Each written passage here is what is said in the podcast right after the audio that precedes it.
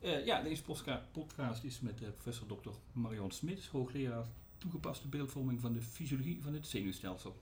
En ze is ook voorzitter van de imaginggroep van de EOR-RTC. Um, ja, om te beginnen de rol van de beeldvormende techniek in de diagnostiek van, en, en de behandeling van kanker. Uh, nou, hoe ziet die rol eruit? Wat, wat voor dingen is beeldvormende techniek allemaal bij nodig? Ja, nuttig bij. ja, nuttig bij. Ja, um, beeldvormende techniek, uh, uh, diagnostiek en beeldvormende techniek speelt natuurlijk een enorm belangrijke rol. En eigenlijk de hele ja, range van um, behandeling, diagnostiek van kanker. Hè, het, het, het, überhaupt het vaststellen, het diagnosticeren, het stageren. Hè, welk stadium of hoe uitgebreid is, is de kanker. hoe maligne zijn de afwijkingen. Uh, en vervolgens natuurlijk het vaststellen van welke therapie dan eventueel geschikt kan zijn uh, uh, middels beeldvormende diagnostiek. Dat komt ook steeds meer in, ons, ja, in ons straatje, zullen we zeggen. En dan natuurlijk de hele follow-up. het, het monitoren van effecten van de behandeling. en eventueel onderscheiden ook van therapie-gerelateerde afwijkingen en afwijkingen die ook weer aan kanker zelf zijn uh, gerelateerd. Dus eigenlijk is beeldvormende diagnostiek niet weg te denken uit, ja, uit, uit de hele kankerdiagnostiek en behandeling. Ja. En dan is misschien het, het, beeld van, van de mensen die er niet echt helemaal in zitten. Wat nou met beeldvormende techniek is, het, waar zit het en hoe groot is het? Is dat, of is er meer te doen? Ja, er is intussen wel meer te doen. Dat is inderdaad natuurlijk heel, wel klassiek en nog steeds denk ik wel het meeste wat er uh, aan beeldvormende diagnostiek wordt gedaan. Hè. Inderdaad precies wat, uh, waar zit het en hoe uitgebreid is het. Uh, en eventueel wat is het. Um, en, en dan hebben we het over de conventionele of structurele beeldvorming. En dat doen we vaak hè, met MRI of met CT of zelfs met echografie.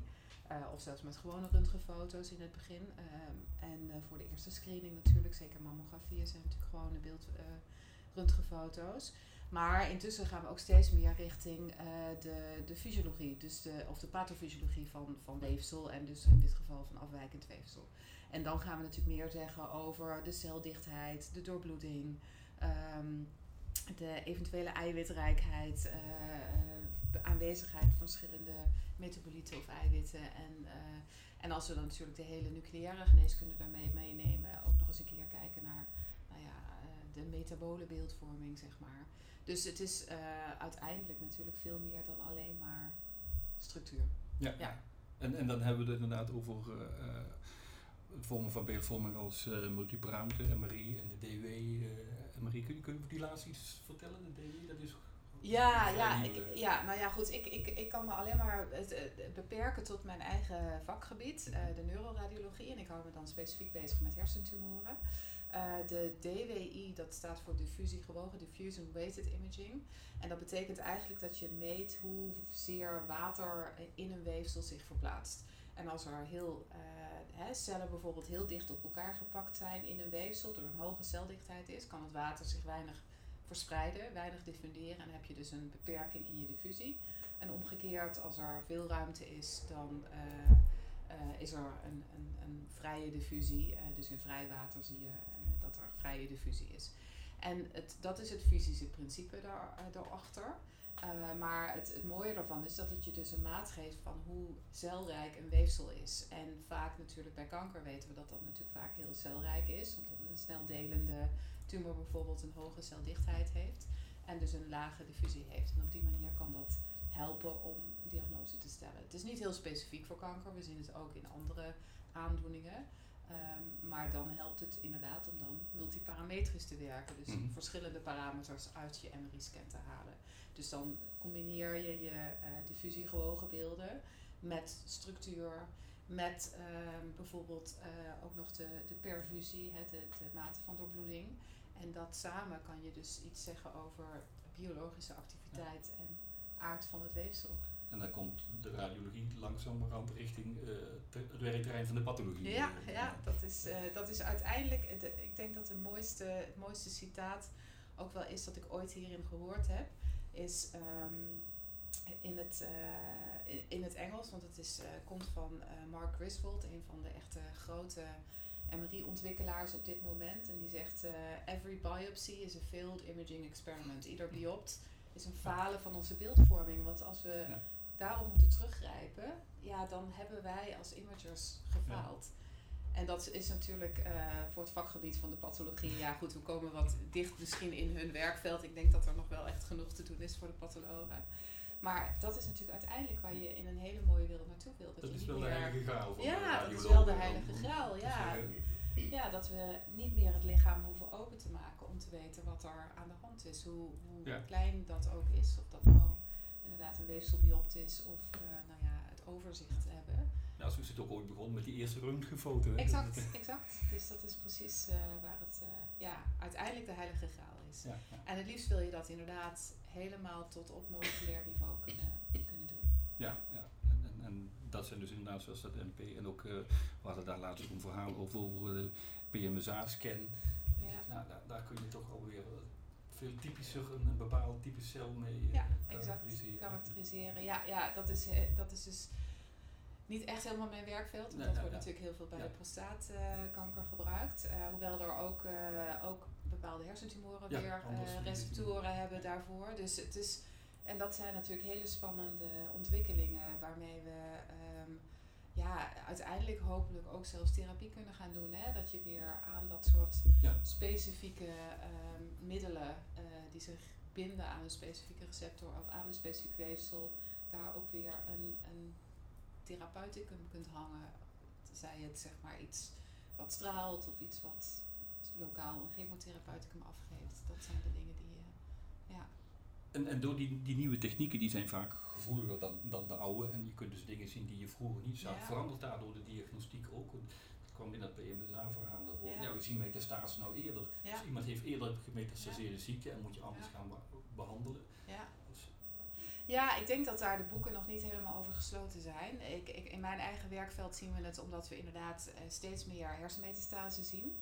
Mensen ook veel meer gescreend worden op hersenmetastase. Hè. In trials gaan ze vaak, uh, nou ja, eerst krijgen ze een, een, hersenscan om te kijken of ze hersenmetastase hebben. Maar ja, we zien tegenwoordig inderdaad de submillimeter uh, hersenmetastase zien we. Ja, voorheen was dat natuurlijk, zagen we dat niet en waren die mensen natuurlijk ook gewoon in trials gegaan. Ja, ja. En nu is dat wel een groot uh, probleem uh, als je dat soort dingetjes gaat oppikken, waar mensen natuurlijk asymptomatisch bij zijn en die mogelijk niet eens relevant zijn.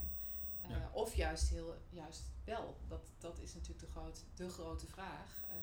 juist omdat we meer zien, gaan we daardoor mensen beter kunnen behandelen of maakt het eigenlijk niet zoveel uit? En uh, maken we mensen er onnodig bezorgd mee. Mhm. En sluiten we ze misschien zelfs wel onnodig uit. Daar ik denk, ja, dat, is, dat zijn hele belangrijke en interessante vragen die nu spelen. En waar denk ik nog geen goede antwoord op zijn. Nee, ja, de, de tijd zal dat ook moeten leren wat belangrijk is. Om, om, ja, ja, zeker. En, en nou zijn, dat zijn allemaal, uh, nou, ik weet het zelf niet helemaal, maar het zijn allemaal apparaten waar je allerlei dingen, knopjes kunt instellen. Hoe zorg je nou dat iedereen het op dezelfde manier doet en dus die kwaliteit gegarandeerd is als het ware? Uh, zijn daar eisen voor of hoe gaat dat? Ja, dat is een, ook dat is een heel goed punt. Uh, want daar, daar heeft iedereen zo zijn eigen gedachten over. En het liefste onderscheid je je natuurlijk als, als ziekenhuis of zelfs als radioloog um, door hè, het beter te doen dan anderen. En dat betekent vaak dat je net iets anders wil doen dan anderen. En iedereen heeft ook een beetje zijn eigen voorkeuren. Um, dus het is nogal moeilijk om mensen precies hetzelfde te laten doen. Uh, voor, een, uh, nou ja, voor eenzelfde indicatie. Dus ik zeg maar hersenmetastase, mm om dan allemaal tot eenzelfde protocol te komen. Waarbij je de scanner op dezelfde manier instelt. Er zitten inderdaad heel veel knoppen aan. En, uh, en dat iedereen zit hem net wat anders, stelt hem net wat anders in. Daar zijn eigenlijk geen, voor de, voor de MRI-scanners en CT-scanners geen speciale eisen aan. Je moet natuurlijk, zeker voor CT, je moet natuurlijk zorgen dat het veilig is en dat je niet te veel meer stralen geeft dan. Dus dat wordt wel gecontroleerd. Mhm. En er zijn beeldkwaliteitseisen en beeld moet er goed uitzien. Maar hoe je dat verder precies doet, uh, en daar zit nog zoveel variatie in, dat ligt niet heel erg vast. Dus wat we voor trials heel veel doen, is dat we voorschrijven, hè, het, het, protocol moet er, er moet minimaal deze sequenties van de MRI in zitten. Er moet minimaal contrast gegeven zijn. Uh, de koependikte mag maximaal zoveel zijn, de resolutie moet maximaal of minimaal zoveel zijn. Maar ook daar zit nog wel wat variatie in. En dat komt ook omdat iedere scanner gewoon anders is. Dus je hebt mhm. uh, scanners van verschillende fabrikanten. Fabrikanten brengen natuurlijk ook steeds weer nieuwe scanners op de markt. Dus ja, een nieuwe scanner kan meer dan een oude scanner. En mhm. als je een nieuwe scanner hebt staan, staan, wil je ook niet terug naar iets wat mindere kwaliteit is, omdat dat nou toevallig in een protocol staat. Dus dat is, uh, ook dat is best een lastige balans. Ehm, en dan is het altijd de afweging van ja, wat willen we ermee? Willen we inderdaad de kleinste lesies of de kleinste metastase oppakken, oppikken daarmee? Ja, dan moet je voor je hoogst mogelijke resolutie gaan. Of willen we zeggen, nou, we willen in ieder geval dat alles wat relevant is voor deze trial uh, gezien wordt. En dan moeten we een soort van minimum eisen vaststellen. Mhm. En dat wordt in een trial vaak dan wel voorgeschreven en gecontroleerd. Ja. Uh, maar dat is een hoop werk. Ja, want ik kan me indenken dat ondanks die dingen er toch weer dan inderdaad die verschillen zijn. En dan neem ik aan dat ook als die protocollen worden opgesteld voor zo'n heel onderzoek, de radiologen niet meteen als eerste aan tafel zitten, maar dat zijn de medische oncologen. En dan neem ik aan om, om een studie op te zetten als er een medicijn wordt uitgetest. Zit daar dan toch een, een, een, een ruis in?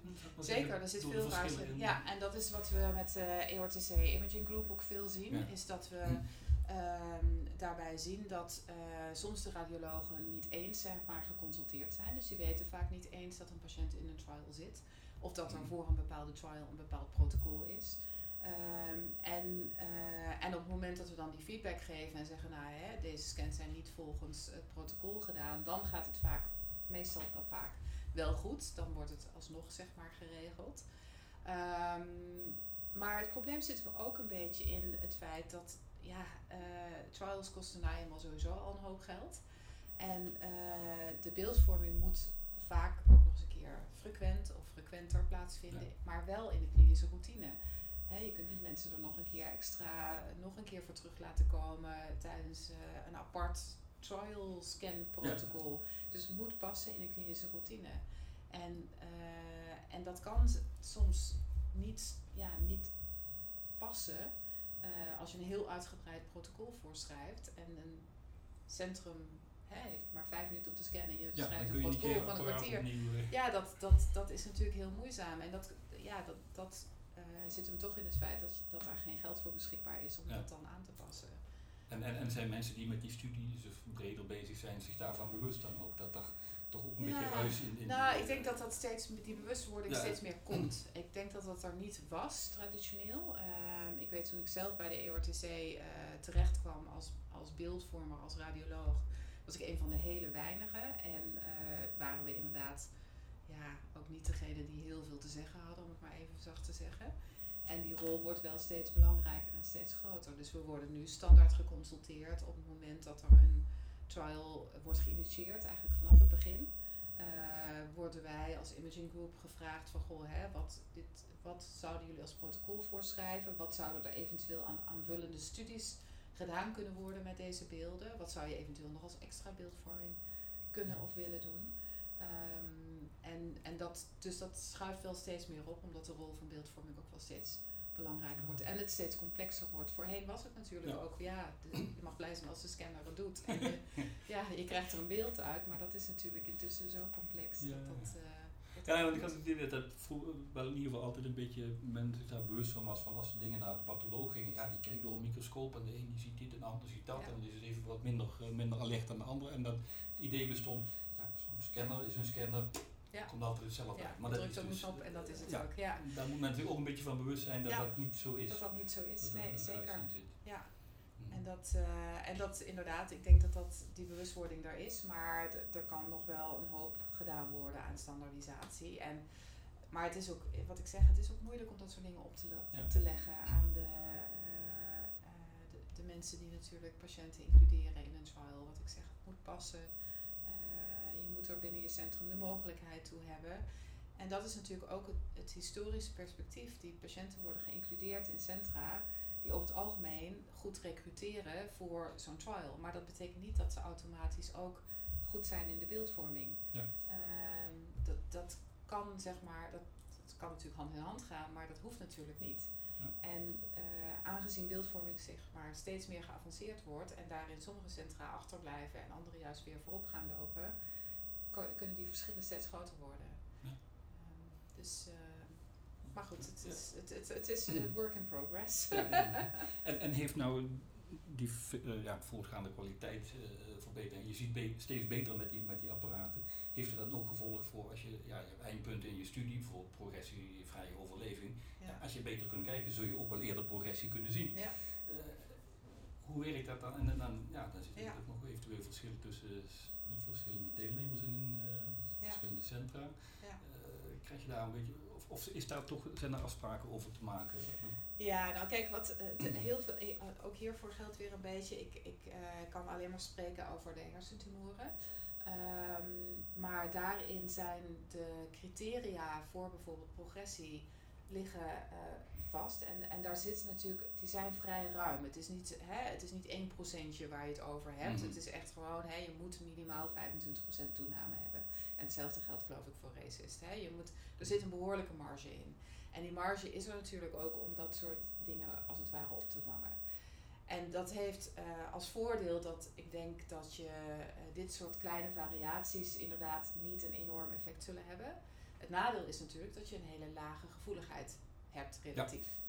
En, uh, en de gevoeligheid die we steeds meer gaan krijgen, die raak je dus als het ware kwijt, kwijt in, die, in die ruis of in die brede marge. En waar je natuurlijk naartoe wil, is dat je ook die hogere gevoeligheid in je uitkomstmaten gaat meenemen. Um, en dat, ik denk dat dat ook wel iets wat in de toekomst gaat gebeuren. Uh, er wordt nu steeds meer uh, toch inderdaad gekeken van nou liggen onze thresholds uh, of onze referenties niet toch te ruim? moeten we daar niet wat beter naar kijken om dat toch een beetje te verlagen op het moment dat dat kan?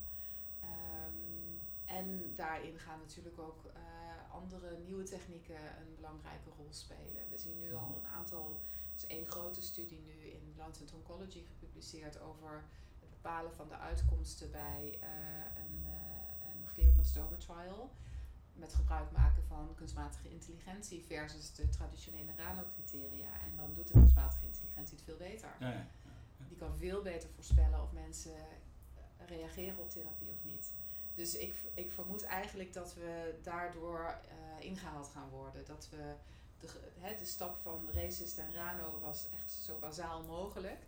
En dat we uh, het over gaan slaan, dat we dat wat complexer gaan maken. Maar dat we eigenlijk rechtstreeks naar een meer automatische beoordeling of automatische intelligentiebeoordeling gaan. Nee, dat, uh, dat vermoed ik. Ja, ja, ik zit me eigenlijk een beetje ook dan af te vragen in hoeverre die grotere gevoeligheid dan ook gevolgen gaat hebben voor als je nieuwe medicijnen test. Ja. Komen die dan ook makkelijker of juist moeilijker op de markt? Want je ziet een klein, uh, uh, ja. uh, in, in studie, daar werd dan metastasevrije overleving is, is het eindpunt. Ja. als je veel beter metastases kunt zien, dan wordt dat lastiger. is veel beter. Ja. Nou, ik denk dat dat zeker, dat is zeker iets waar we rekening mee moeten houden. Ook hiervoor geldt een beetje, ik, ik zit daar niet dicht genoeg op om, dat, uh, om te mhm. weten hoe die regelgeving echt beïnvloed wordt. Maar ik denk wel dat dat natuurlijk een hele belangrijke overweging is die door instanties als organisaties als de EORTC zeg maar wel opgepakt moeten worden. Dat je uh, hè, mensen bewust regelgeving, regelgevers zeg maar bewust maakt van het feit dat deze tijden ook veranderen. Ja. En, is daar ook een rol voor de, de, de imaging groep? Uh? Ja, ik denk het wel. En ook daarvoor geldt, we hebben een, uh, een subgroep, uh, subcommissie binnen de imaging groep over oligometastatische ziekte. Dus mhm. dat is precies dit. Hè? Mensen die een klein aantal metastasen hebben. Ja, wanneer is het een klein aantal? Vroeger was dat als je er met het blote oog een paar kon zien. Ja, nu zien we heel veel kleintjes. Is dat niet ook oligometastatisch? wat we voorheen helemaal niet zagen. Dus ik denk dat daar wel een, een, een rol ligt in, in, in consulteren en adviseren. Um, uiteindelijk um, is het natuurlijk, ja, denk ik wel een veel groter probleem in de zin van uh, ja, hoe zorg je ervoor dat die informatie echt bij de. Ja, want zijn dan de, de, radiologen die als het ware de, daar de grenzen gaan trekken en de standaarden gaan aangeven, of moeten radiologen alleen adviseren, dit kunnen wij met onze apparaten allemaal zien eh, of niet zien. nou, ik denk, zeggen waar die grens ligt. Ja, nou die grens, ik denk dat die grens bepaald wordt door uh, ons wetenschappers als, als geheel. Dus daar wil ik geen onderscheid maken tussen radiologen, oncologen. We moeten dat natuurlijk samen doen. Hè. We hebben onze expertise vanuit onze verschillende aandachtsgebieden. Ik denk dat dan de uitdaging ligt in hoe komt het vanuit de wetenschap in de daadwerkelijke regelgeving terecht. Ja, Hè, hoe komt het bij een ministerie terecht en hoe komt het bij een EMA e terecht. En, uh, oh ja, je zult natuurlijk op een gegeven moment moet ik zeggen, wat is nog klinisch relevant? Want je had het al eerder al over. Ja. Van, uh, ja, als ik nou één metastase erbij zie, is dat erg voor die patiënt, ja of nee? Ja, als het asymptomatisch is, ja. Ja, ja. of is het het topje van de ijsberg waar ik naar zit te kijken? Uh, en is dat inderdaad de indicatie dat bij in het geval van een hersenmetastase dat die bloed-hersenbarrière doorbroken is en het dus veel ernstiger gaat worden. En dat moet de tijd natuurlijk ook nog uitwijzen. Dus daar hebben we ons wetenschappelijk onderzoek voor nodig. Ja. Samen met de klinische expertise vanuit de oncologie. En, uh, en dat moet tot een toch meer ja, inzicht geven in inderdaad hoe relevant het is. Ja. Dus kijk, wij kunnen natuurlijk nooit als radiologen alleen zeggen van die grens moet ergens anders liggen. Hè. We behandelen de mens niet het plaatje, is het adagium. Uh, en dat is natuurlijk ook zo. Dus het gaat uiteindelijk om de kliniek en hoe mensen daar zeg maar uitkomen. Ja. En niet, uh, niet of er een puntje op een scan te zien is. Nee, nee, je moet geen puntjes op de scan behandelen, maar patiënten. Ja, exact. Ja. Um, ja, er zit ook wat naar, naar voren te kijken, eh, naar de toekomst. Uh, paar nieuwe ontwikkelingen die eraan zitten komen. Er zijn net al de, de kunstmatige intelligentie, maar ook de, de radiomics. Uh, ja. Kun je vertellen wat dat gaat inhouden? ja, nou radiomics is eigenlijk uh, het is een absoluut buswoord op het moment. Hè. Het is, uh, als ik een subsidieaanvraag moet schrijven, dan moet daar radiomics in staan. Anders dan gaat het sowieso nergens naartoe. Nee, maar het bestaat eigenlijk natuurlijk al heel lang. Radiomics is het vastleggen van beeldinformatie in, in, in een maat en getal. Dus als ik voorheen zeg maar, op een röntgenfoto uh, een, een, een afwijking zeg maar, kwantificeerde, al is het maar in een afmeting, dan is dat eigenlijk al radiomics. Of als ik zeg van nou ja, hij is rond uh, versus gespiculeerd, dat is eigenlijk ook al radiomics. Mm uh, maar nu kunnen we dat natuurlijk in veel grotere aantallen. Hè. Nu kunnen, kan de computer ons helpen. En die kan uit uh, een, een plaatje heel veel beeldinformatie halen. Dus niet alleen inderdaad is het, is het rond, is het ovaalvormig, lineair, is het hè, grotendeels aankleurend of niet, is het um, is het heterogeen of homogeen. Maar je kunt honderden zeg maar, van dit soort beeldkenmerken uit een, een scan halen. En dat geeft je natuurlijk heel veel kwantitatieve informatie die je vervolgens kunt linken aan iets anders. Dus aan uitkomsten, aan uh, uh, genetica, aan nou ja, mhm. moleculair profiel. Je kunt er alles aan hangen. En, en die correlaties geven ons natuurlijk, ja, je, je, gaat er natuurlijk een beetje van uit dat er een correlatie is tussen je beeldkenmerk en je, uh, uh, je profiel, je biologische mhm. profiel, of dat het beeldkenmerk eigenlijk een afspiegeling is van het biologische profiel van het weefsel. Dus dat zou je in principe meer moeten vertellen over je diagnose of het weefsel. Ja, ook al predictieve. Ja, dus je zou daar predictie mee kunnen doen, hè? maar je kunt er diagnostiek mee doen. Hoe groot is de kans mhm. dat iets een bepaalde tumor is, of dat het deze mate van kwaadaardigheid of agressiviteit heeft. Uh, hoe gaat uh, iemand het doen op behandeling? Uh, hoe groot is de kans dat het een behandeleffect is? Ehm, dat, hoe groot is de kans dat het het enige, ja, dat het dit genetische profiel is versus dat genetische profiel? Ja. En dat kun je alleen maar doen als je natuurlijk heel veel data hebt. En dat uh, is waarom voorheen radiomics natuurlijk niet zo enorm veel kon. Maar nu uh, zijn we steeds meer gericht op big data. Hè? Het samenvoegen van data, het veel verzamelen van data. Alle beelddata was, vergeten we maar, de beelddata zijn natuurlijk pas nog niet zo heel lang digitaal. Ze werden altijd ja. al digitaal opgenomen. Hè? De, de, CT en de MRI zijn per definitie digitale systemen. Maar vervolgens werden ze natuurlijk op film gedrukt. Ja. En die gingen in het archief. En digitale data werden soms opgeslagen voor wetenschap. Maar het is pas in de laatste 15 tot 20 jaar dat we dat soort dingen ook daadwerkelijk allemaal in ons pak hebben zitten. Dus in toch relatief hele korte tijd heeft er ook in, de, in de beeld, um, beeldvormende diagnostiek een enorme digitale revolutie plaatsgevonden. Mhm. en de conventionele röntgengrafie is natuurlijk pas heel kort ook nog digitaal. Dus, dus dat, dat, dat leidt ertoe dat we nu al die data kunnen gaan samenvoegen. En vervolgens heb je dus kun je niet handmatig. Je kunt niet handmatig allerlei tumoren gaan zitten cirkelen. Dat kost vreselijk veel tijd. Uh, dus we hebben de computer ervoor nodig om dat automatisch te doen. En dat helpt ons om dan heel veel beeldkenmerken te krijgen en die data te gebruiken. En daar moet je dus ook een nieuwe digitale infrastructuur voor hebben, om dat voor iedereen, uh, net zoals dat je bijvoorbeeld biobanken opzet. Ja, dit is eigenlijk een, kijk, dit is een, ook een biobank. Het is, hè, het is digitaal materiaal van, van een scan, maar het is nog steeds biomateriaal in de zin van oh, dat het een scan is. Het is uh, dat, dat, tenminste, zo, zo proberen wij het te zien. Ja, er, er zit geen weefsel in, maar er zitten wel alle kenmerken van alle het kenmerken weefsel, van het weefsel zitten erin. Ja, precies. Ja. Ja, En, en daar wordt bijvoorbeeld binnen Nederland aan gewerkt om dat te kunnen opslaan samen. Zeker, ja. Er zijn uh, er sowieso het uh, Health RI, Health Research Infrastructure volgens mij, heet het. Um, daarin, uh, dat is echt gericht op het het opslaan van dit soort materiaal. Uh, en daar zit een, een belangrijke beelddata uh, poot in. Ja, ja dus voor diverse projecten in Nederland proberen we dat ook, ook daar op te slaan. Zodat je enerzijds gewoon een goede structuur hebt waar alle ziekenhuizen die deelnemen hè, veilig op kunnen aansluiten en hun data daar neer kunnen zetten voor de onderzoeksgroep. Maar dat je ze later natuurlijk ook beschikbaar kunt maken voor verder onderzoek. Ja, met alle natuurlijk, hè, binnen alle begrenzingen van de regelgeving en de privacy. En, en, voor het interpreteren van de gegevens, je zei, daar, daar komt de kunstmatige intelligentie ja, uh, nou oprukken.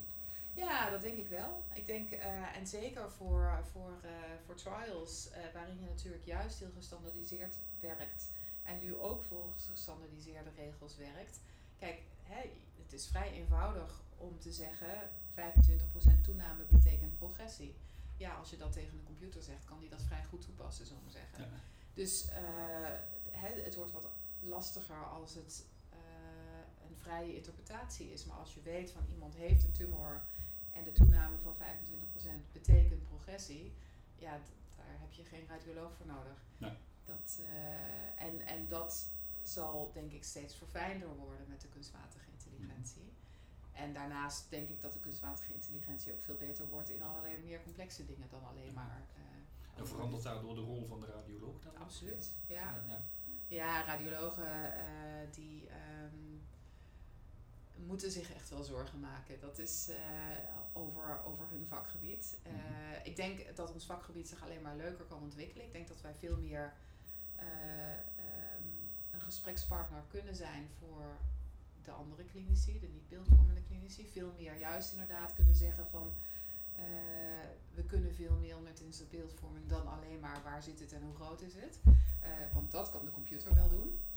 Um, maar het meer in de diepte, de meer complexiteit, uh, het interpreteren van wat er allemaal uit die computer komt, daar zullen wij een, een prima rol in kunnen spelen. Maar dat is wel een hele andere rol dan De radioloog zelf hoeft niet voor zijn baan te te vrezen dan? De radioloog zoals hij er nu is, moet denk ik wel voor zijn of haar baan vrezen. In de, niet, niet binnen nu en tien jaar, maar ik denk wel dat ons vakgebied zeer drastisch gaat veranderen. En ik denk dat we niet kunnen denken van we blijven algemeen radioloog en uh, daarmee kunnen we het uh, wel redden. Mhm. Nee, ik denk dat wij als radiologen ons veel meer moeten bezighouden met kwantificatie, uh, inderdaad die standaardisatie waar we het over hadden. Zorgen dat we inderdaad ook met z'n allen besluiten van zo gaan we het doen en zo wordt het misschien beter. Veel meer klinisch consulteren ook uh, en daarin ook de klinische informatie meenemen. Dus veel dichter juist bij de kliniek staan. Um, en veel meer specialiseren. Wij moeten echt op hoog niveau mee kunnen praten. En, en als, als dat allemaal wel zoals een beslag heeft gekregen, moet dan de patholoog voor gaan streven? Is dan de, de heilige graal ah, ik, denk, ik denk dat de patholoog, idem dito, ook een, dat vakgebied verandert net zo goed. En daar geldt natuurlijk precies hetzelfde voor als voor de radiologie. Zij doen ook aan interpretatie van beelden. En daar kan de computer net zo goed zeg maar een rol in spelen. Ja, en ja dat is natuurlijk, veel. eh, ja, dus ik denk dat, dat we wat dat betreft eh, hand in hand Ja. kunnen gaan. En ja, ik kan me best wel voorstellen dat we uiteindelijk een van de andere buzzwords op dit moment is integrated diagnostics. Dat, dat het misschien wel zelfs een vakgebied wordt dat veel meer dichter bij elkaar gaat zitten. Ja. Ja. En, eh, en dat we eh, ja, samen tot een diagnose gaan komen. En eh, ja, Ja. Kijk, ik, ik ken het werkveld van de patholoog ook niet goed genoeg om te zeggen wat ze wel moeten doen. Maar ik denk dat zij dezelfde problemen tegemoet kunnen zien als wij. Maar jullie streven blijft dat je daar niet voor in het lichaam hoeft te gaan. Nee, nee. En, maar goed, dat betekent nog steeds dat misschien... De, ja, ik, ik roep maar eens iets heel geks, maar... Hè, de pathologen hebben natuurlijk heel veel, juist heel veel kennis van eh, celbiologie en dat soort zaken die wij volledig missen. Dus wij roepen wel heel hard, hè, die celdichtheid met diffusie. Maar misschien dat zij daar veel meer in kunnen brengen en dat zij juist daarin, eh, hè, wie, wie weet komen we wel tot een beeldvormende techniek die wij ontwikkelen, die vervolgens door de patholoog wordt geïnterpreteerd op basis van hun kennis en kunde. Ja. Dus het is, ja, dat soort grenzen gaan misschien vervagen en worden misschien anders. Wie weet maken wij ooit wel een plaatje dat eruit ziet als een celpreparaat en dat kan de patholoog beoordelen. Ja, Ja. om maar eens even iets raars te zeggen. Nou, Dus, lijkt, eh, lijkt me een mooie toekomst. eh. Ja, dus ik, ik, ik- ja, goed. Ik denk dat het. eh, we moeten niet vasthouden aan iets wat. Nee. Hè, de geneeskunde bestaat zoals die nu is, natuurlijk ook nog niet zo heel erg lang. Nee. En ik denk dat we absoluut een revolutie tegemoet zien eh, en, en moeten kunnen zien, maar dat is niet erg.